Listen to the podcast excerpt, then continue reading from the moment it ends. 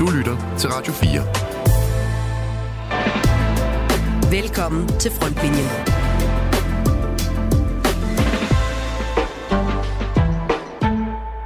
Helt konkret betyder det, at amerikanske soldater øh, kan udstationeres på flyvestationerne i Karup, øh, Skrydstrup og Aalborg, og det gælder både i kortere og længere perioder. På den måde styrker vi USA's adgang til Europa og til Østersøen. Vi bidrager til NATO's kollektiv forsvar i Europa, og det er selvfølgelig en kerneopgave både for øh, NATO og, øh, og for Danmark. Ja, sådan sagde statsminister Mette Frederiksen på et pressemøde i statsministeriet i går, hvor hun og forsvarsminister Troels Lund Poulsen præsenterede en ny bilateral forsvarsaftale mellem USA og Danmark. Den taler vi meget mere om lige om lidt. Selvom der bare er fire dage til juleaften, kan man ikke ligefrem påstå, at julefreden har sænket sig over det forsvars- og sikkerhedspolitiske område. Mandag indgik regeringen sammen med forlispartierne fra juni en mini delaftale om en implementeringsplan for genopretning af forsvarets fundament, som vi også vinder med en af Folketingets forsvarsordfører lige om lidt. Vi skal også forbi Forsvarets efterretningstjenestes seneste risikovurdering, som er temmelig dyster læsning. Og så skal vi også tale med en klog mand om, hvor godt Forsvarsministeriets materiel og indkøbsstyrelse er rustet til at købe militært isenkram for et svimlende antal milliarder over de næste 10 år. Vi slutter af med et kig på situationen i det Røde Hav, hvor Danmark bakker fuldt op om den internationale indsats, og nu har sendt en stabsofficer til den nyoprettede Operation Prosperity Guardian i Bahrain. Ja, puha, spænd sikkerhedsselen og vent med at tænde lyskæden på juletræet. Du har i hvert fald tunet transistoren ind på frontlinjen her på Radio 4. Mit navn er Peter Ernst Ved Rasmussen. Og mit navn er Kasper Junge Vester. Velkommen indenfor. Du lytter til Frontlinjen på Radio 4. Vi indleder med det mest aktuelle. Tirsdag præsenterede regeringen et samarbejde på forsvarsområdet med USA, som har været længe undervejs. USA og NATO er garanten for Danmarks sikkerhed. Sådan har det været siden 2. verdenskrig, og sådan vil det også være i fremtiden. Og det er kun blevet tydeligere og vigtigere med den udvikling, vi har set i verden igennem de seneste år.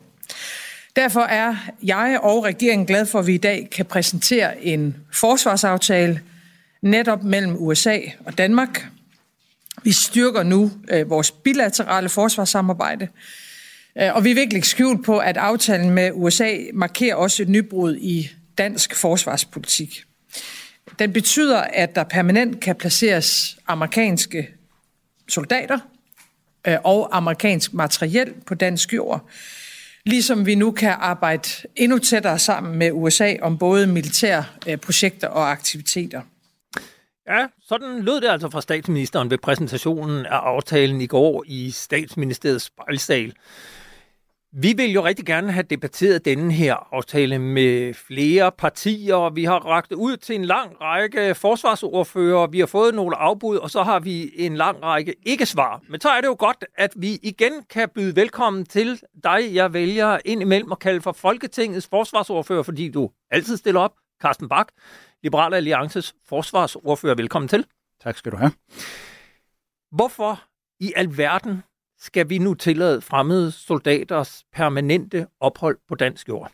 Ja, det skal vi for at styrke det bilaterale forsvarssamarbejde med amerikanerne, som er vores absolut vigtigste og stærkeste og største allierede. Øh, også i NATO-regi selvfølgelig, men også bilateralt. Øh, det kan vi se, hvis vi kigger til Arktis blandt andet, hvor vi har et, øh, i forvejen et tæt samarbejde med amerikanerne, og det samarbejde vil vi jo også gerne øh, udvide, øh, sådan at det gælder i Østersøregionen og i, kan man sige, den del af kongeriget, øh, som øh, er Danmark. Øh, vi ser samarbejdsaftaler med de andre nordiske lande også, og det er helt oplagt og entydigt positivt, at der nu er en samarbejdsaftale på forsvarsområdet mellem Danmark og USA.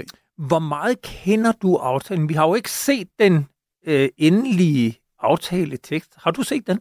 Nej, det har jeg ikke. Jeg er en af de øh, forsvarsordfører, som øh, øh, i situationstegnen kun er forsvarsordfører. Jeg har ikke udenrigsområdet, derfor har jeg ikke en plads i udenrigspolitisk nævn, og jeg ved faktisk ikke engang, fordi der er jo skærpet øh, fortrolighed omkring, hvad der foregår i udenrigspolitisk nævn, så jeg ved ikke engang, hvor meget øh, mit partis øh, medlem, Henrik Dahl og Alex Vandopslag, der sidder i udenrigspolitisk nævn, hvor meget de er orienteret om det, men jeg øh, kender den reelt set ikke andet, end hvad øh, I andre gør fra, øh, fra åbne kilder og pressen generelt. Men det du så hørte præsenteret i går, og det der har været omtalt af aftalen i medierne her øh, efterfølgende, vil du så sige, at det er en god aftale? Ja, helt klart. Øh, og, og det kan jo øh, godt øh, være lidt angstprovokerende for et medlem af oppositionen og medlem af Folketinget for Liberal Alliance at være så entydigt opbakkende omkring SVM-regeringens linje. Men lige her er det meget, meget afgørende. Jeg er jo selv fra en tid i forsvaret, hvor jeg kan huske amerikanske soldater, godt nok i en NATO-ramme, men øh, stadigvæk amerikanske soldater på flyvestation Karup, øh, hvor jeg også har slået min folder på et tidligere tidspunkt øh, og hvor øh, jo kafeteriet var opdelt i en amerikansk og en dansk øh, del, og hvor der var gule streger øh, på asfalten rundt omkring, og hvor der gik US Marines øh, og bevogtede amerikanske flyvemaskiner. Øh, og jeg glæder mig, øh, som øh, vil jeg sige, næsten et lille barn op til jul, øh, til at, at opleve det igen. Øh, det øh, synes jeg er entydigt positivt, at det styrker de forsvars- og sikkerhedspolitiske bånd, der er mellem Danmark og USA, og det er entydigt positivt. Som jeg sagde, så er aftaleteksten endnu ikke offentliggjort, og det bliver den første ifølge forsvarsministeren senere på ugen. Vi blev dog en lille smule klogere på længden af aftalen på pressemødet i går. Så går vi herover. Første, vi tager første række. Peter Ernst Rasmussen fra Olfi Radio 4. Altså rammerne, hvornår træder aftalen i kraft, og har den en udløbsdato? Og hvis ikke, kan Danmark så træde ud af aftalen, og under hvilke omstændigheder? Altså som statsministeren sagde, så skal lovgivningen på plads. Det forventer vi tager øh, et øh, års tid cirka. Og så er det så en 10-årig uopsigelig aftale, hvor den derefter så øh, kan opsiges af begge parter med, med et år. Øh, men de første 10 år er det en uopsigelig aftale. Ja, altså en uopsigelig aftale i 10 år, og derefter kan den opsiges med et års varsel. Hvorfor skal aftalen være uopsigelig i 10 år? Der er jo nogle investeringer forbundet i det her fra amerikanernes øh, side, og dermed er de nødt til at have en sikkerhed for, at vi ikke trækker tæppet væk under, øh, bare sådan lige fra den ene dag til den anden. Men det handler jo også modsat øh, om øh, i virkeligheden en eller anden form for sikkerhedsgaranti for Danmark, for det skal man jo ikke være blind for i den situation. Øh, Danmark står i nu, vores, øh, vores forsvar øh, er vil jeg sige, tæt på øh, en tilstand, øh, hvor vi er ukampdygtige. Øh, vi... vi er ukampdygtige. Ja, ja. Okay, øh, det er jul, øh, og der, øh, der er en, en, en lettere øh, euforisk øh, stemning. Øh, men, men, men der er i hvert fald nogle udfordringer for dansk øh, forsvar, øh, som vi er nødt til også at se i øjnene, at vi, øh, vi er nu Øh, Øh, vi er nu i en situation, hvor forsvarsledelse fortæller øh, forligskredsen, at man kvantitativt lever op til NATO's styrkemål på visse områder. Øh, og det, det jo fortæller mig, det er, at vi jo kvalitativt jo så ikke lever op til dem. Øh, og det gør sig gældende over en bred kamp. Øh, og derfor er den her bilaterale aftale også en sikkerhedsgaranti for Danmark og danskernes tryghed i en situation, hvor det danske forsvar ikke er i en tilstand, som det burde være i. Bare lige forlængelse af det. Altså, der er jo nogen, der spekulerer i, at grunden til, at USA indgår de her aftaler, det er jo, Danmark er jo ikke det første land, at de har indgået med Sverige tidligere på ugen og med, med Finland øh, tidligere. Øhm, der er nogen, der spekulerer i, at det handler om at få de her aftaler over målstregen, inden Donald Trump eventuelt måtte sætte sig i det hvide hus igen. Øh, nu nævner du de her sikkerhedsgarantier for Danmark. Kan vi overhovedet være sikre på noget, hvis, hvis han vender tilbage i det hvide hus? Altså, jeg kan ikke spå om øh, fremtiden, og det tror jeg heller ikke, der er ret mange andre mennesker, der, der kan. Øh, det er jo selvfølgelig... Øh, øh, måske lige præcis hvad Trump angår, er det nok den, den største usikkerhed øh, i den øh, geopolitiske sikkerhedssituation i øjeblikket. Vi ikke ved, hvilken retning det amerikanske politiske system og ledelse tager, men jeg vil dog fremhæve, at øh, USA er et liberalt demokrati, øh, og øh, at vi altid har kunnet stole på amerikanerne. Det tror jeg også, øh, vi kan i en situation, hvor øh, Trump bliver genvalgt som præsident. Det er jo ikke alle, der er lige begejstrede for aftalen. Her kan du lige høre, hvad enhedslisten forsvarsordfører Trine Pertumak sagde i morges i Radio 4 Morgen. Du er skeptisk. Hvorfor? At to hovedgrunde i virkeligheden. Den ene, fordi det jo er en aftale, der er forhandlet fuldstændig uden foregående demokratisk debat. Øh, den er uopsigelig i 10 år, og hvor amerikansk militær, hvor en del af vores territorium ligesom skal afleveres til den her fremmede magt, som så får ret til at handle, som de vil, og som i udgangspunktet ikke er underlagt dansk lovgivning. Altså selvfølgelig, hvad er det egentlig for et USA, som regeringen har indgået en aftale med? Vi ved, at Donald Trump måske er på vej tilbage i det hvide hus. Øh, han har jo vist sig villig til at udfordre amerikanske institutioner og trække landet ud af internationale aftaler. Har hun ikke en pointe? Og i virkeligheden særligt det her med, at øh, de amerikanske soldater er underlagt amerikansk jurisdiktion, altså amerikansk lovgivning. Jeg tror, vi skal tage øh, de problemer, der opstår øh, undervejs, øh, og, og ikke male fanden øh, på væggen øh, øh før tid. Jeg forstår sådan set godt øh, bekymringen. Øh, vi har jo så dog trods alt en flertalsregering, så den demokratiske proces øh, kan jo måske være svært at stille spørgsmålstegn ved. Det er jo sådan, at regeringen fører udenrigspolitikken i kongeriget, øh, og det gør de øh, også for nuværende. Jeg vil, jeg vil sige, at jeg har en meget stor grad af tiltro øh, til, at den sådan aftale, øh, også selvom den er bilateral og ikke ligger, kan man sige, tæt op af, af NATO-institutionen, øh, kommer til at skabe en positiv udvikling, både for dansk forsvar, øh, men også for danskernes sikkerhed og tryghed, og det er sådan set egentlig det, jeg forholder mig til.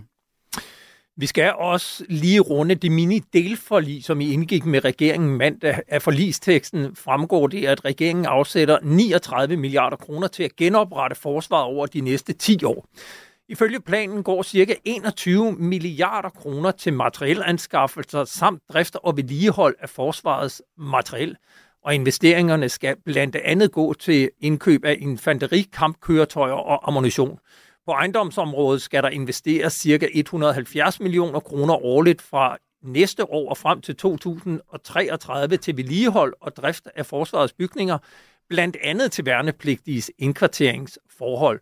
Og derudover tilføres samlet 200 millioner kroner fra næste år og frem til 28 til kritisk nybyg og anlæg på forsvarets etablissementer. Og det vil sige, samlet set bliver det til små 2 milliarder kroner i forlisperioden. På personelområdet investeres der cirka 6 milliarder kroner til at ansætte flere soldater i forsvaret. Det her det blev sådan set allerede præsenteret som regeringens forslag i foråret. Var der overhovedet nogen forhandlinger, eller var det sådan en vind- eller forsvindpakke fra regeringens side? Ja, altså nu er jeg jo kun øh, en helt simpel oppositionsforsvarsordfører og stiller mig ud på planken, og så må forsvarsministeren jo baske til mig, så jeg falder ned, hvis det er. Men det er bestemt ikke min opfattelse, at vi har indgået nogen aftale. Det, der kom ud øh, den anden dag, det var jo regeringens øh, udspil til en plan. Øh, og jeg tror, hvis man læser, og det havde jeg selv også lidt svært ved at få gjort øh, 100 procent, øh, hvis man læser pressemeddelelsen, så står der jo rent faktisk, at det her det skal forhandles på plads i løbet af januar måned.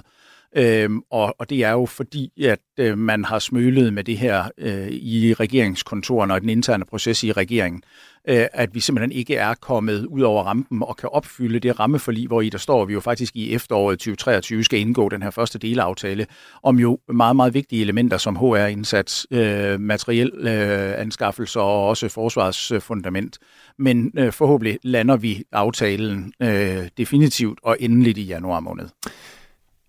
Vi har jo tidligere talt om, hvordan at øh, ministeriet har sat forsvaret på pause og bedt om en lang række nye analyser, ikke mindst på baggrund af input fra forligskredsen. Hvad er årsagen til, at det her det bare trækker ud? Ja, meget af det handler i virkeligheden nok om økonomi, øh, at øh, nogle af de indkøb, som vi skal foretage for at kunne leve op til de politiske aftaler, vi har, er blevet meget, meget, meget dyrere af forskellige årsager, både inflation, men jo måske særligt øh, krig først i Ukraine, og så nu også mellem Hamas og, og Israel. Øh, og det gør, at vi øh, jo sådan nærmest på ugenlig basis øh, er nødt til at revurdere den økonomiske øh, ramme for nogle af de øh, kapaciteter, som der skal investeres i. Og det er klart, at det presser jo nok måske særligt finansministeren, øh, når han kigger hver morgen ned i statskassen. Øhm, og og det, det, er, øh, det er selvfølgelig en uheldig udvikling, men det er jo noget, vi er nødt til at have hånd i hanke med, også kvæg nogle af de... Øh, øh, vil jeg sige, øh, tenderende skandaler, vi har set tidligere i forhold til materielanskaffelser. Vi, vi har jo tidligere omtalt den her læg af øh, forsvarsledelsens øh, oplæg til forliget, og det, jeg kan forstå, der er stor utilfredshed med, det er, at der ikke er nogen optioner. Det er ligesom forsvarsledelsen, take it or leave it. Og det, jeg også kan forstå, det er, at øh, forskellige ministerier er ret øh, op og køre over det her. Statsministeriet, Udenrigsministeriet, Finansministeriet. Hvad er problemet i det oplæg, der er kommet fra forsvaret? Ja, det ved jeg ikke. Det er jo en intern regeringsproces, som jeg som oppositionspolitiker jo ikke kan gøre redde for, men, men jeg tror, øh, noget af det analysepakken, som du omtaler jo skal imødegå, det er jo netop, at man kommer til at træffe de beslutninger øh, på et for smalt øh, grundlag, at øh, man internt i forsvaret kommer med nogle militærfaglige vurderinger, som enten ikke øh, er opdateret i forhold til markedet, eller øh, som bunder i en eller anden intern konkurrencesituation imellem de forskellige værn, øh, og som ikke er forankret i øh, kan man sige, den reelle politiske situation og de politiske overvejelser, vi har gjort os både i regeringen internt, men jo særligt også i forligskredsen. Du bliver siddende mens vi øh, ja, begiver os videre i resten af dagens program, og så vi kommer til at høre til dig igen, men øh, nu dribler vi i hvert fald videre. Du lytter til Frontlinjen på Radio 4. Ja, nu skal vi se lidt uh, uden for landets grænser, for i sidste uge udkom Forsvarets efterretningstjenestes årlige risikovurdering, Udsyn hedder den, som igen i år må sige at være temmelig dyster læsning. Danmark står på tærsklen til 2024, og i årene, der kommer over for en række trusler, der spænder lige fra cyberdomænet til hybridangreb, og viser det sig måske inden for få år, endda også konventionelle militære trusler. Dem har vi ellers i mange år været lykkeligt forskånet for i vores del af verden. Med på en telefon har vi nu øh, dig, Anja Dalgaard Nielsen. Velkommen til. Tak skal du have. Du er chef for efterretning i netop Forsvars efterretningstjeneste. Nu kan vi ikke øh, nå at tale om alle de trusler, I oplister i uh, udsyn, så kan du ikke starte med måske at fortælle os, hvad der lige nu udgør den største trussel mod dansk sikkerhed? Jamen, øh, det er jo et alvorligt, øh, øh, men først og fremmest er det et sammensat trusselsbillede, vi, vi, vi beskriver i årets udgave Udsyn, og tak fordi I vil, I vil dække det. Der er en skærpet terrortrussel til dels på grund af koranopbrændingerne i sommer, men også på grund af krigen i Gaza. Øh, og den krig, den har skabt regional ustabilitet, der tror øh, dansk skibsfart, men også udsendt dansk personel i for eksempel øh, Irak. Øh, så er der Ruslands krig i Ukraine, øh, og øh, et, et Rusland, som øh, vi vurderer i stigende grad vil opføre sig konfrontatorisk også over for Vesten. Øh, og man kunne fortsætte at kigge på det økonomiske domæne, hvor Kina også med ulovlige metoder overfører teknologi og, og, og viden blandt andet øh, teknologi og viden, der skal indgå i deres eget øh, militære oprustningsprogram. Øh, så øh, på den måde er listen øh, meget lang. Øh, og altså øh, det mest alvorlige, der er jo tale om trusler i forskellige øh, domæner, og også på lidt forskellige tidshorisonter. Altså nu nævner du selv øh, Rusland, som, som er en af de øh, trusler, I, I, I nævner. Kan du ikke prøve at sætte nogle ord på, hvad er det konkret for en trussel, Rus, Rusland udgør mod mod øh, Danmark og, og øh, Europa i det hele taget? Altså på hvilke felter, i hvilke geografiske områder kan Rusland tro os lige nu? Ja, øh, vi vurderer jo, at øh, Rusland øh, for det første øh, ikke ønsker at komme i krig øh, med NATO. Men i øvrigt har en lav tærskel for at anvende militærmagt, og det har vi jo set flere gange øh, i øh, forhold til Ruslands øh, militært svagere nabolande tidligere sovjetstater, som ikke er NATO-medlemmer. Så vi ser altså, at Rusland, der har en lav tærskel for at anvende øh, militær magt, vi vurderer ikke, at uh, Rusland ønsker at komme i øh, krig med NATO. Så de er i den måde, de agerer på, uh, opmærksom på ikke at komme til at udløse NATO's musketeriet uh, artikel 5. Men vi vurderer, at det er muligt, at de vil skrue op for hybridvirkemidler øh, mod os i Vesten. Og det kan jo for eksempel være sådan noget som påvirkningskampagner, hvor de øh, forsøger at skabe splid og splittelse, det kan også være øh, offensive efterretningsoperationer, eller det kan være sabotage. Så vi vurderer altså, at det er muligt, at, at de vil skrue op for de her øh, virkemidler. Og, og målet med det her, øh, det Rusland ønsker at opnå, det er jo at splitte og skræmme Vesten. Øh, og også øh, underminere den vestlige støtte til krigen i Ukraine. Hvad med den konventionelle militære trussel fra Rusland? Der er meget tale om, hvor hurtigt de kan nå at genopbygge deres styrker efter den her nedslidningskrig, de har gang i i Ukraine lige nu. Er det noget, vi også øh, skal bør notere os her i, i Danmark? Ja, øh, vi øh, øh omtaler øh, blandt andet Østersøen og Arktis øh, som områder, øh, hvor øh, det også er værd øh, at, at være opmærksom på udviklingen. Og det vi ser i Østersøen, det er, at, øh, at Rusland, øh, øh, til trods for, at de jo er sanktions, øh, sanktionsramte og tager rigtig store tab i, øh, i Ukraine, øh, så ser vi, at øh, de øh, planlægger, og vi vurderer også, at de vil være i stand til på et øh, to til fem årigt sigt at omstille øh, øh, ny, nye enheder i Østersø-regionen. Øh, og de er ganske vist øh, øh, defensivt motiveret, men de er jo offensivt øh, anvendelige. Og Rusland ser jo, øh, at NATO-udvidelsen øh, er et strategisk tilbageskridt øh, for Rusland, og, øh, og derfor vurderer vi, at, øh, at de, vil, de ønsker at styrke sig på den her måde. Øh, vi vurderer også, at øh, deres adfærd vil øh, overfor os vil blive mere uforudsigelig og til tider truende. Jeg kan ikke helt lade være med at spørge dig. Nu har vi lige talt om den her bilaterale aftale mellem øh, USA og, og Danmark, og nu kommer der til at være amerikanske tropper på dansk jord mere eller mindre permanent. Hvordan påvirker så noget trusselsbilledet? Altså, der er jo nogen, der har talt om, at, at vi måske lige frem sådan i overført betydning placerer en skydeskive på Danmark ved at have, have permanent tilstedeværelse af amerikanere. Hvad, hvad, kan man sige noget om, hvad, hvad det gør ved, ved truslerne mod Danmark? Ja, øh, vi vurderer jo, at øh, Rusland ikke ønsker at komme øh, i krig øh, med NATO, og derfor vil være øh, påpasselig øh, i forhold til øh, at komme til at udløse artikel 5. Øh, så, øh, så, så, så, så det er næppe, øh, næppe tilfældet. Øh, det vi også øh, vurderer, eller det vi også kan sige, det er, at øh, Rusland øh, i sin risikokalkyle, altså hvor langt kan de gå, pejler efter, hvor samlet og, og hvor militært stærkt øh, NATO øh, fremstår. Nu er det jo ikke Rusland det hele, som du også siger det. I taler om et sammensat trusselsbillede.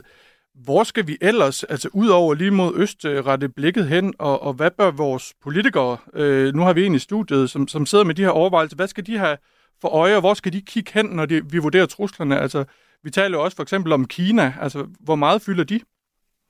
Ja, Kina det er jo øh, en anderledes øh, størrelse end, øh, end, end Rusland, og Kina er jo også en uomgængelig øh, samarbejdspartner på en række områder, for eksempel øh, i forhold til øh, klimaforandringer. Øh, men Kina er altså også et, øh, et, øh, et land, øh, et samfund, hvor øh, magten i stigende grad er samlet omkring en person, og også et samfund, der jo mindst ikke øh, ligner øh, øh, vores, øh, eller er indrettet efter vores øh, demokratiske øh, spilregler. Og en af de ting, som vi peger på i, øh, i årets udsyn, det er jo, øh, at øh, situationen i Taiwan-strædet, den, er, er, den spidser til, og at, øh, at Kina har en højere øh, militær tilstedeværelse der, end de har haft øh, tidligere. Og nu er det ikke fordi, vi vurderer, at Kina står lige over for at ville invadere Taiwan. Men hvis det sker, så er det noget, der vil have øh, meget, meget store konsekvenser for, øh, for Danmark og for Vesten, fordi det vil trække USA øh, væk fra, øh, fra Europa øh, og efterlade os mere alene med de øh, sikkerhedspolitiske udfordringer og trusler, som vi har i Europa. Og samtidig så vil det få øh, meget store konsekvenser for vores økonomi og vores øh, forsyningskæder. Men det er sådan et, øh, et scenarie på lidt længere sigt, øh, at, øh, at, at det her øh, kan ske. Det man kan sige omkring øh, Kina og den øh, trussel, som Kina udgør her nu, det er, at Kina arbejder øh, meget målrettet på at overføre teknologi og viden blandt andet øh, teknologi og viden, der indgår i deres øh, omfattende militære oprustningsprogram. Og det gør de altså også med ulovlige øh, metoder, som for eksempel cyberspionage øh, øh, og spionage øh, i det fysiske domæne. Ja, lad, lad os lige dvæle ved det her med, med cybertruslen, fordi det er jo noget, der fylder utrolig meget øh, øh i de her år, og øh, Danmark har jo, eller øh, Forsvarsmateriel og Indkøbsstyrelse har blandt andet oprettet en cyberdivision, som blandt andet skal være med til at ruste øh, Danmark til at imødegå de her trusler, og det, det er noget, vi taler meget om. Hvad er det konkret for en cybertrussel, der er mod Danmark, og, og hvem er i øh, de her, øh, hvad skal man sige, øh, hacker, eller hvad man nu skal kalde det? Hvem er, hvem er i sigtekornen for dem her i Danmark? Øhm, ja, øh, øh det er jo blandt andet øh, aktører som Kina og Rusland, der har øh, meget omfattende øh, cyberkapaciteter, øh, og, og dermed også øh, aktører, som vi peger på, når vi beskriver det her, øh, det her trusselsbillede. Øh, Øh, og hvad har de så øh, i, øh, i sigtekornet, for at bruge dit, øh, dit udtryk? Jamen, øh, det kan være øh, vældig, vældig øh, øh, bredt, øh, hvad de er interesseret i, men det øh, kan selvfølgelig være, det er selvfølgelig forhold, der vedrører Danmarks udenrigs- og sikkerhedspolitik, øh, dansk øh, forsvar, øh, forholdene internt i øh, rigsfællesskabet, øh, og så øh, forskellige former for, øh, for øh, øh, øh, vidensmiljøer øh, øh, og, og danske virksomheder, som arbejder med, øh, med, øh, med, med ting, der vedrører øh, øh, øh udenrigssikkerhedspolitik og, og forsvar. Jeg kan ikke lade være med at spørge dig her øh, til slut. Øh, vi taler rigtig, rigtig meget om, om de efterslæb og mangler, der er i øh, forsvaret på både det ene og det andet og det tredje område. Hvor, hvor godt er Danmark, øh, eller kan du sige noget om, hvor godt Danmark er rustet til at imødegå de her trusler, altså både de hybride, de konventionelle militære og i cyberdomænet, som vi lige har talt om? Man kan sige, at vores øh, rolle er jo først og fremmest at øh, klæde øh, beslutningstagerne på med analyser og vurderinger af de trusler, der kommer, øh, der kommer øh, udefra. Øh, så øh, øh, øh, hvordan øh, de danske kapaciteter øh, de øh, er udvikler sig, det, det vil jeg overlade til, til andre udtalelser om. Øh, men det man kan, det jeg kan sige, det er, at Rusland jo blandt andet pejler efter, hvor, hvor militært stærkt og hvor samlet øh, øh NATO står. Rusland ser jo sikkerhedspolitik som sådan et nulsums, et nulsumsspil, øh, hvor øh, et stærkt Rusland kræver et, et svagt eller et svagere NATO. Så det er klart, øh, de her eksterne aktører, de ønsker ikke at stå over for Vesten som en samlet blok, øh, og de peger dog efter, hvor, hvor militært stærke og hvor samlet vi fremstår.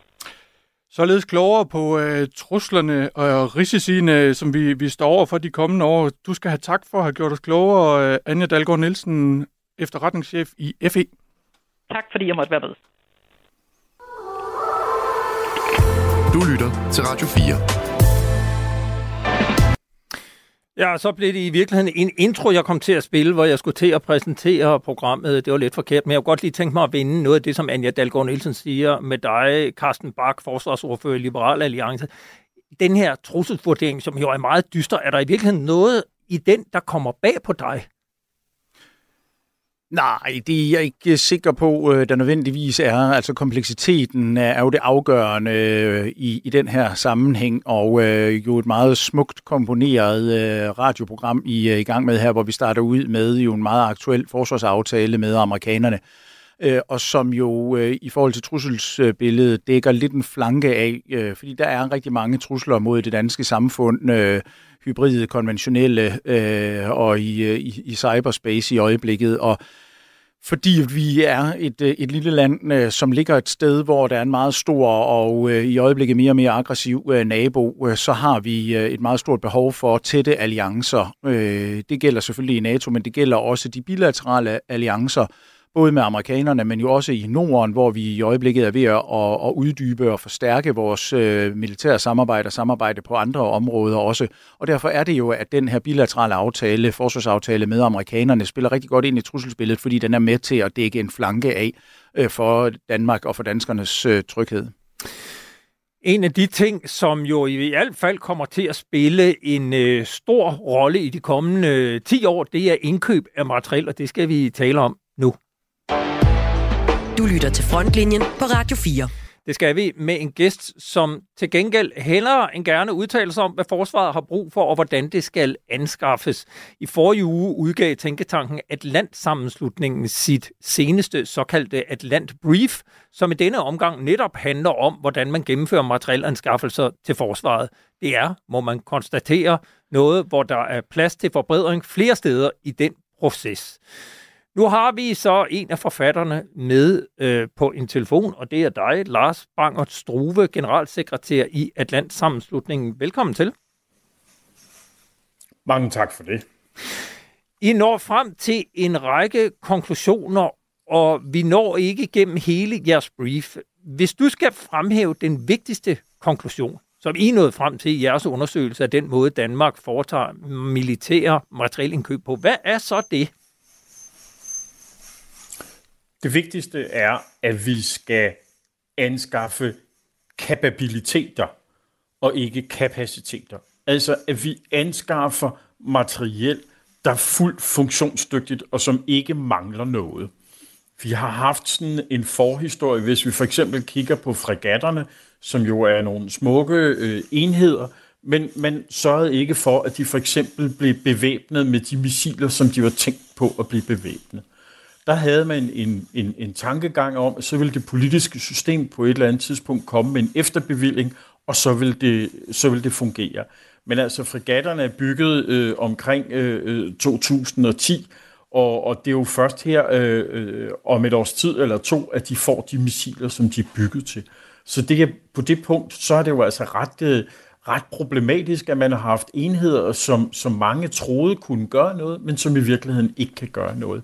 Så det er en af de allervigtigste ting, vi overhovedet skal gøre i fremtiden, det er, at når, når politikerne i forbindelse med forsvarsforlidet skal, skal forhandle ting på plads, at forsvaret så er ærlige og fortæller, hvad er den samlede pris på det her, så det ikke kommer som en overraskelse, og man så anskaffer den samlede øh, kapabilitet, som også inkluderer service og ammunition og uddannelse på personel.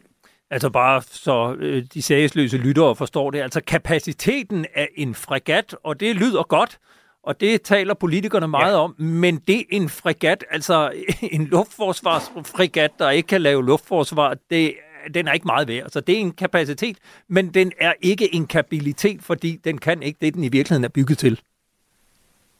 Nemlig, lige præcis. Det var bedre forklaret end mig. Ja. Så, så kan man jo spørge, hvad kan man sige helt overordnet om den måde, man øh, på Forsvarsministeriets område anskaffer materiel i dag?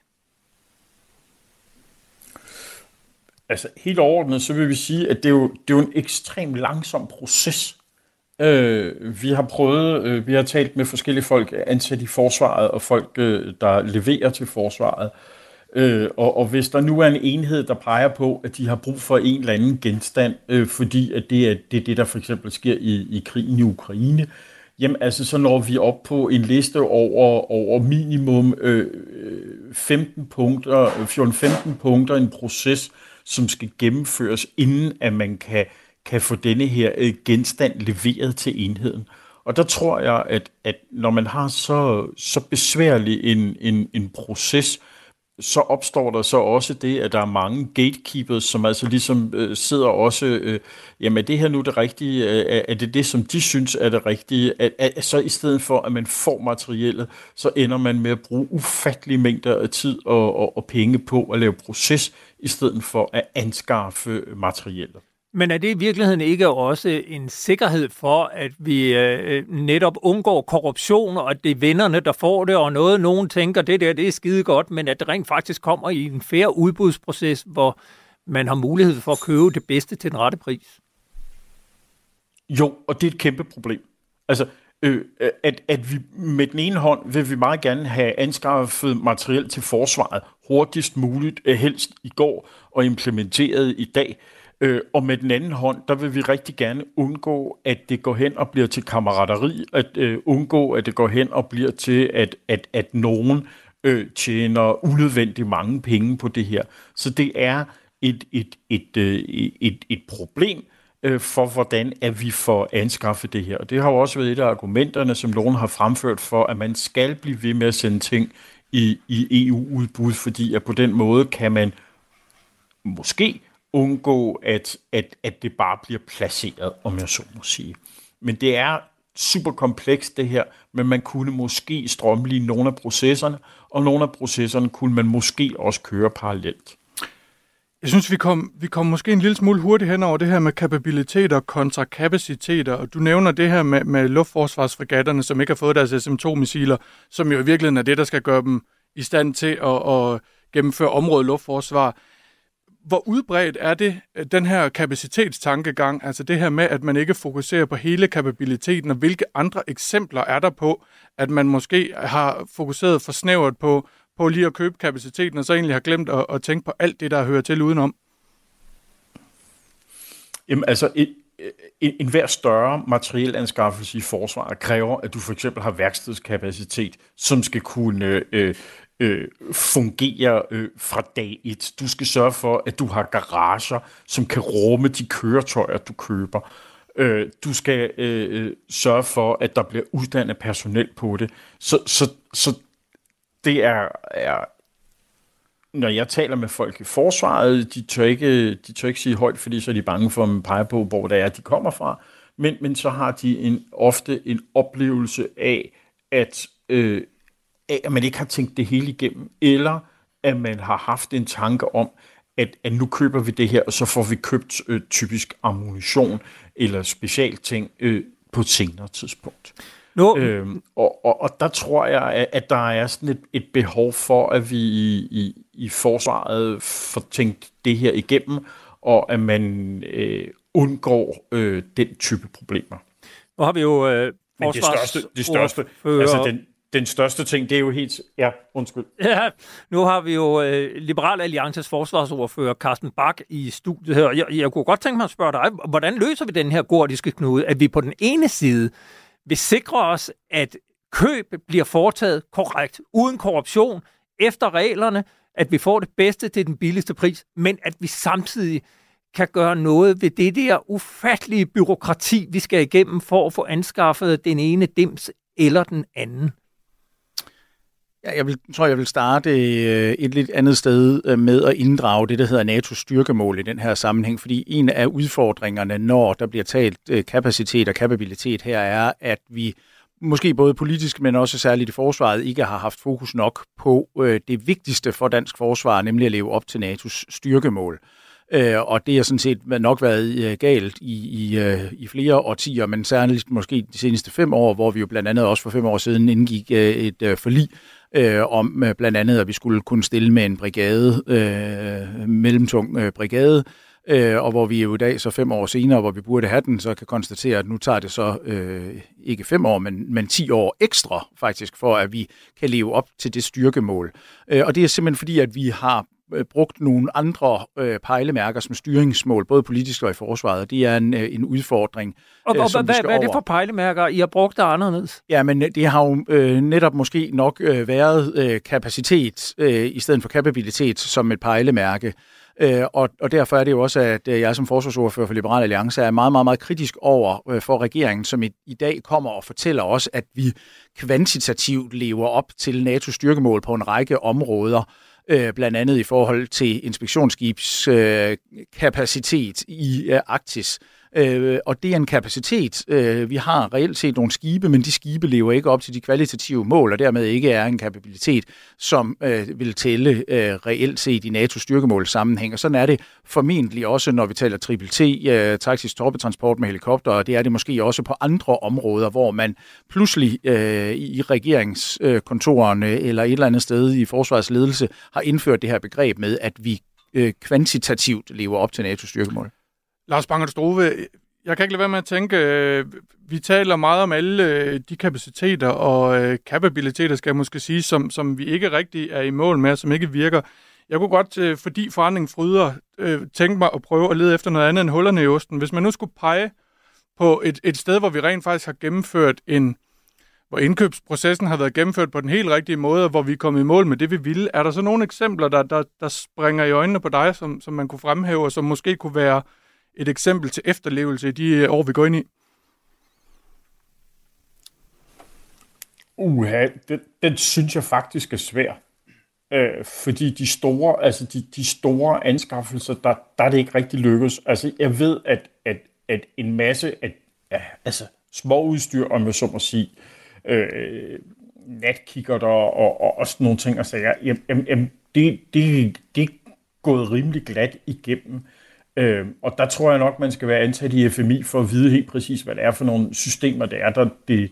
Forsvarsministeriets materiel- og indkøbsstyrelse. Øh, nemlig, og det var godt, du sagde Forsvarsministeriet, for ellers får vi tæsk af Kasper. Øh, men, men, men, men de store systemer, altså, der, der er det altså gået skidt, ikke? Altså, vi mangler for eksempel droner til overvågning i Arktis, øh, noget som de fleste af os troede, det, det, det skulle nok lykkes og så lige pludselig så stopper man udbuddet. Altså, der, der er simpelthen nogle ting her, som ikke fungerer, og hvor at, at øh, jeg forstår godt, hvis øh, politikerne bliver dybt frustreret over, hvad det er, der, der foregår. Må, øh, må, må, jeg... må, må, jeg, må jeg spørge dig, har det, har det ikke også et eller andet sted ofte en sammenhæng med, at man fra politisk side de seneste mange, mange år har været mest af alt optaget af, at vi skal spare på forsvaret der skulle nedskæres, der skulle effektiviseres, og når der skulle købes nyt, skulle det være så billigt som muligt. Hvorved man har skabt nogle udbud, som blandt andet det her med droner, hvor man i den score, som et, et udbud havde, der vægter man prisen med 50 procent, hvorved at man får noget, skal vi nu sige populært, billigt lort, som man er nødt til at kalde tilbage og lade udbuddet gå om. Altså hvor prisen har været en alt for styrende faktor for det materiel, der er købt i forsvaret. Jo, altså den her prisstyrende øh, faktor har, har, har helt sikkert givet en masse problemer. Øh, og det er i hvert fald en frustration, jeg hører meget tydeligt fra, fra folk i forsvaret, og som vi jo også kan se, ligesom øh, når, når, når, når tingene kommer op her. Men jeg tror altså også, at når nu du griber fat i det her med, at vi har haft øh, årtiers besparelser, øh, det har også gjort, at, at dele af forsvaret simpelthen øh, har bibeholdt det her øh, spare-mindset, i stedet for at sige, jamen, jamen der er faktisk et forsvarsforlig på vej, hvor man taler om, at der skal bruges penge. Øh, og, og, og det tror jeg måske i virkeligheden, at denne her mindset giver et problem. Øh, andre ting, der har givet problemer, det er sådan noget med, at vi har en dims, kan vi transformere, øh, transformere den om, så den kan bruges. Altså, der har jo for eksempel et af problemerne med, med, med, med, med første brigade, er jo, at den ikke har gjort til luftforsvar. Og der begyndte man, da, så vidt jeg husker, da Flemming Lenner øh, var chef for Forsvarsministeriets øh, materiel- og indkøbsstyrelse, at tænke på, har vi nogle missiler øh, fra F-16-flyene, som vi kan montere på nogle lastbiler, og derved lave en eller anden form for jord-til-luftforsvar. Og nu lyder det karikeret. Jeg, jeg, jeg, jeg ved simpelthen ikke, hvordan det var, de, de helt praktisk ville have tænkt sig at gøre det, men det var noget i den stil. Og, og, og det gør jo altså, at man får et, et, et forsvar, der på ingen måde har, har det bedste materiel, og hvor man måske i virkeligheden ender med at, at, at komme ned af, af et sidespor, som, som ikke peger fremad, og som ikke gør, at man får løst de problemer, man, man skal have løst. Og hvor udgiften ender med at blive dyrere, end hvis man havde købt det rigtige. Lad os lige sende den videre til Carsten Bak, du markerede før. Hvad tænker du om Lars Bangert Stroves betragtninger om, om forsvarsinvesteringerne? Jamen, jeg synes, at mange af de betragtninger, Lars kommer med, er super fornuftige. Jeg vil så dog øh, fremhæve noget, som jeg synes er positivt, for det skal vi også, det er snart jul og så videre. Øh, nu fik jeg indikeret før, at jeg øh, har en uddannelsesmæssig baggrund fra, fra flyvevåbnet, øh, og trådt øh, også lidt øh, støvleaftryk på flystationen Karup.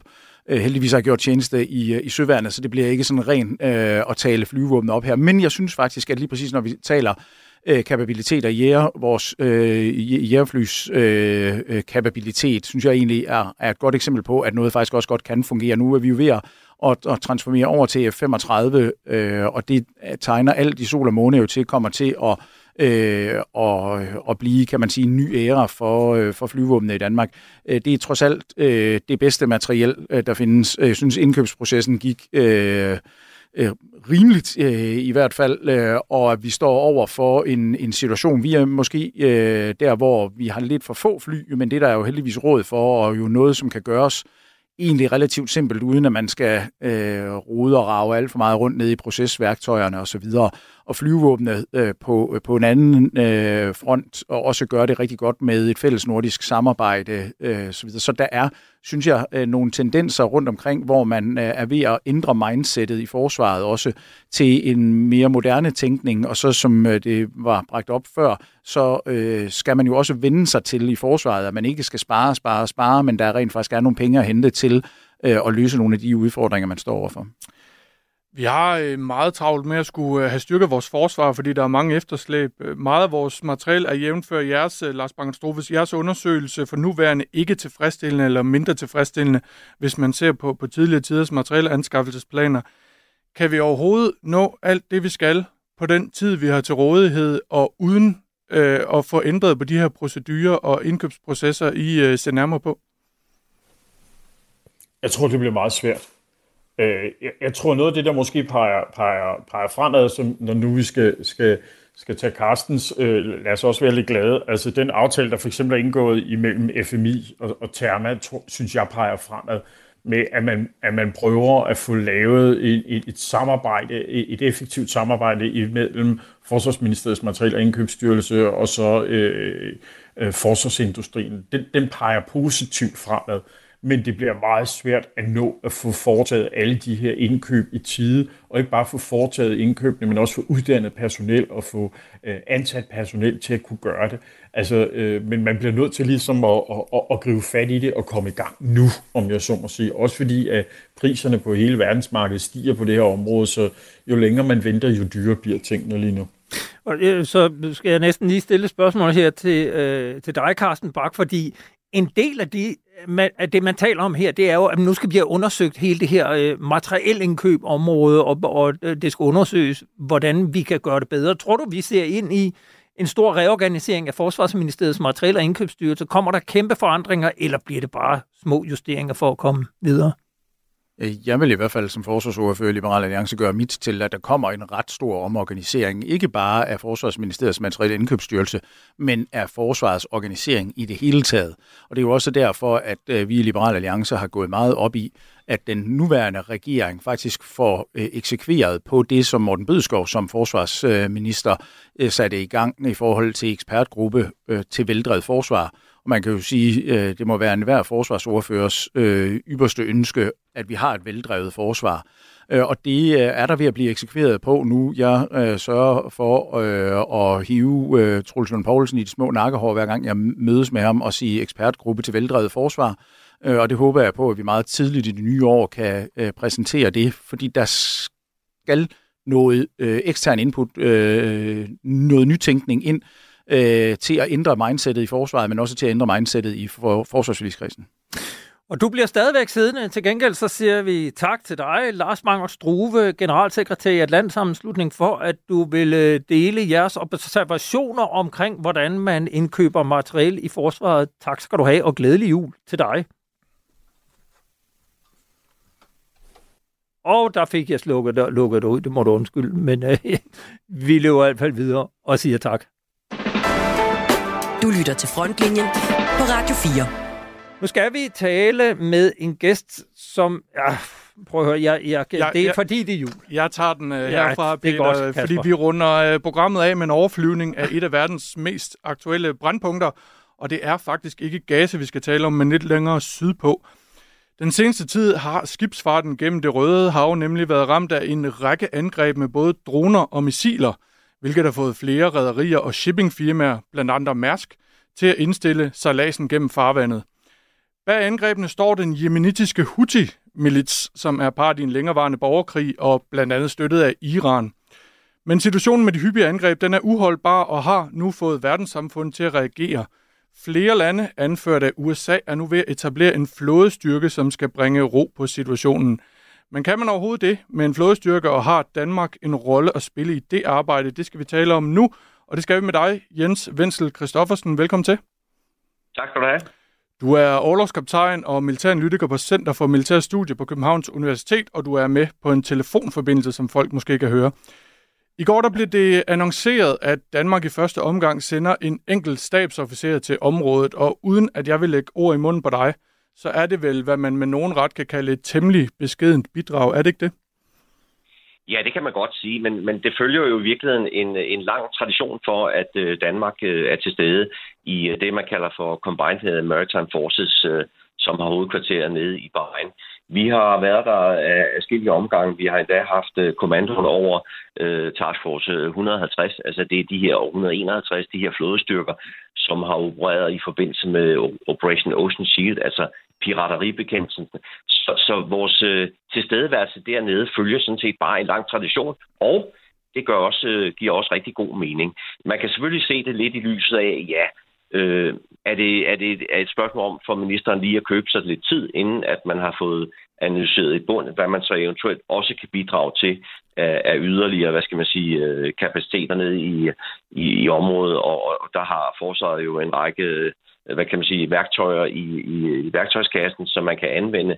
Men øh, det at komme derned nu øh, giver god mening. Øh, en stabsofficer, som øh, formentlig skal, kan deltage enten ude i, i Task Force 153, som er den øh, styrke, som skal operere ned i området. Han kan være ombord på staben øh, i flagskibet. Han kan også sidde i land.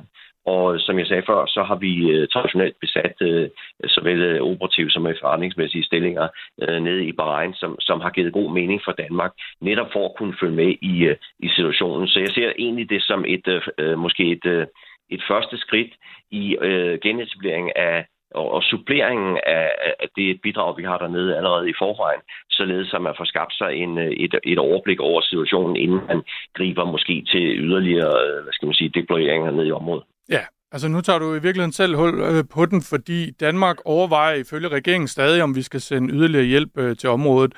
Øh, det har så fået nogen til at spekulere i, at et oplagt bidrag vil være at sende en af frigatterne i Wittfeldt-klassen, altså de her luftforsvarsfrigatter, som, som Danmark har tre af. Den kunne så indgå i den internationale flådestyrke, som har fået det her navn Prosperity Guardian, som vel bedst kan oversættes til velstandsvogter. Er det en god idé? Ja, Jamen altså, det, det kunne det jo godt være, hvis man, man vælger at gøre det. Det store spørgsmål er selvfølgelig, om, om øh, søværnet så har kapacitet til at kunne øh, gøre det. Det tror jeg nu nok, at man, hvis det blev prioriteret fra regeringens side, at man også øh, ville, ville gøre det. Øh, og der er et fregatbidrag jo et, øh, et ganske substantielt øh, Øh, tillæg til den stabsofficer, vi har fået derned. Men der kunne jo også være andre muligheder, øh, for eksempel i form af vores øh, Challenger-fly, som har været anvendt øh, i piraterioperationerne.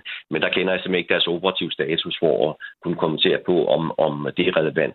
Men jeg kan da godt lige vende tilbage til det, vi hørte lidt tidligere i udsendelsen her, omkring, øh, hvad Lars Banger Struve sagde på på fregatområdet. Altså, fregatterne, det er luftforsvarsfregatter. Det skal der overhovedet ikke have nogen tvivl om.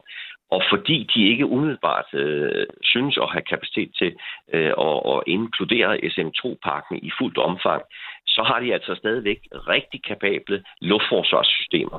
Øh, de er simpelthen bygget til luftforsvar.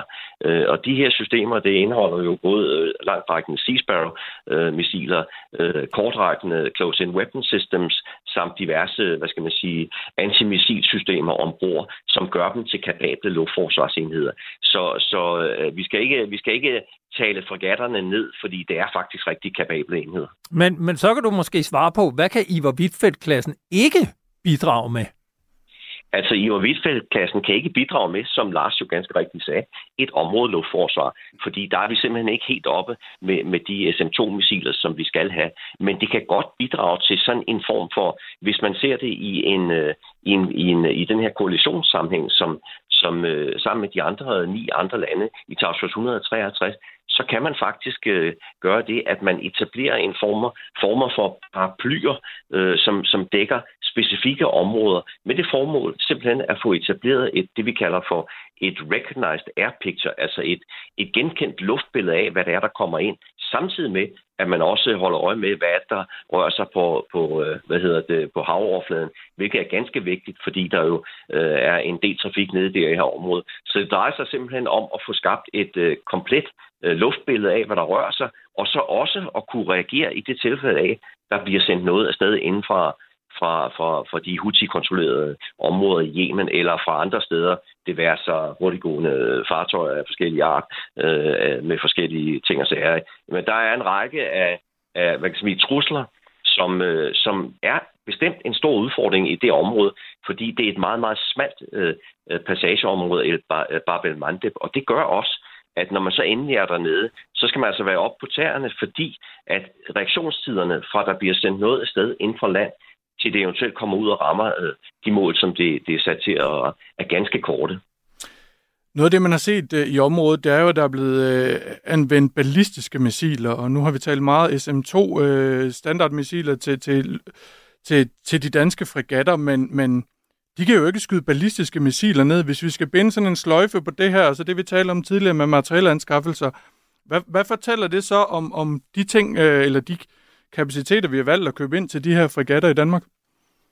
Jamen altså, S-2-missil er netop beregnet til at kunne skyde øh, ballistiske missiler ned. Så når vi, hvad kan man sige, får fyldt beholdningerne op af dem øh, i forhold til de antal, vi har, vi har bestilt, så kan fregatterne også levere det. Og det så vi jo sidst med, med, med de amerikanske destroyer, som netop anvendte SM-2-missilerne til at skyde nogle af de ballistiske missiler ned, øh, som i virkeligheden er er, er, er videre teknologiske førsel men, af, af, af gamle skotmissiler øh, fra, fra Iran. Men jeg synes, jeg har læst, at SM-2 netop ikke kan skyde ballistiske missiler ned, at vi så skulle have haft brug for SM-6-missiler. Er det forkert forstået? SM-6-missilerne er jo i virkeligheden en videreudvikling af SM-2-missiler og kan anvendes i, i nogle andre roller. Den har vi på tre øh, forskellige funktioner, øh, som vi måske kan komme ind på senere. Men SM-2-missilet er et, øh, et luftforsvarsmissil, øh, og det er særdeles velegnet til netop at udføre den her opgave. Så, så det valg, som man har truffet fra den side, er også ganske rigtigt. Det er så et aldrende missil, og der kan man så altid gå ind i en diskussion, om vi skal have nogle opdateringer til det, men det, det ligger uden for mine øh, kompetencer at, at, at kommentere på det. Ja, til slut lige inden vi siger farvel til dig kort, skal vi jo også lige høre Carsten Bak, forsvarsordfører Liberal Alliance. Altså ser du det er realistisk, at vi kan sende øh, andet end en stabsofficer til den indsats, der nu er i det Røde Hav? Ja, øh, stabsofficer er jo, kan man sige, helt bogstaveligt måske det mindste, vi kan gøre i den her sammenhæng. Øh, det, der er tale om, det er jo øh, illiberale, udemokratiske øh, segmenter, der plager verdensfreden og frihandelen på, på verdensplan, og det skal vi som verdenssamfund selvfølgelig sætte ind over for, og det skal Danmark øh, jo selvfølgelig kunne deltage i og bakke op omkring. Så alt, hvad vi har nede i værktøjskassen, der kan sættes ind i den her forbindelse, det skal Danmark og den danske regering være klar til at stille til rådighed, og det vil Liberal, Alliance også, Liberal Alliance også komme til at bakke op om. Og det skal være helt kort, øh, Jens Wenzel Christoffersen, er det realistisk, at øh, søværende kan stille med mandskab til at sende en fregat afsted? Helt kort. Det skal du snakke med Søværnskommandoen om, men jeg tror, det vil være ganske fornuftigt, hvis det er, at man ønsker at sende et signal øh, til den internationale shippingbranche, fordi det er også ganske nødvendigt, at man øh, garanterer skibsfarten, at øh, de kan sejle igennem de her områder, så vi kan få vores, hvad kan man sige, mm, julegaver ja. under bordet i år. Og jeg vil sige tusind tak, fordi du var med, Jens Svendsen Christoffer fra Center for Militære Studier på Københavns Universitet. Du lytter til Frontlinjen på Radio 4. Og vi når ikke med denne udgave af Frontlinjen, som blev produceret af Olfi for Radio 4. Mit navn er Peter Ernst ved Rasmussen. Og jeg hedder Kasper Junge Vester. Husk, at du altid kan skrive med ris og ros og gode idéer til på frontlinjen radio4.dk. Du kan også lytte til alle tidligere udgaver i Radio 4's app, som du kan downloade til din telefon, og her kan du også øh, følge os, og så lander programmet hver onsdag lige over middag. Og tilbage er der bare at sige tak for i dag. Efter øh, frontlinjen er der Kranjebrud. Vi er tilbage om en uge på gaden. Man har en død mand i et badekar på et hotelværelse. Krimiland genåbner sagen om et mystisk dødsfald i toppen af tysk politik. Der er ikke nogen som helst sådan umiddelbare synlige indikationer i retning af, om han er blevet myrdet, eller om han er begået selvmord. Genstand for genstand gennemgår Christoffer Lind og Anders Oris hotelværelset for spor. Livet er påklædt. Barsel, han har skjorte og slips på. Hvis vi begynder med at fokusere på badekarret og på livet, så har han ikke sine sko på. Han har ikke nogen sko på. Lyt til Krimiland om Uwe Barschel i Radio 4's app, eller der, hvor du lytter til podcast. Radio 4. Det her, det, øh, det vil blive et mysterium. Ikke så forudsigeligt.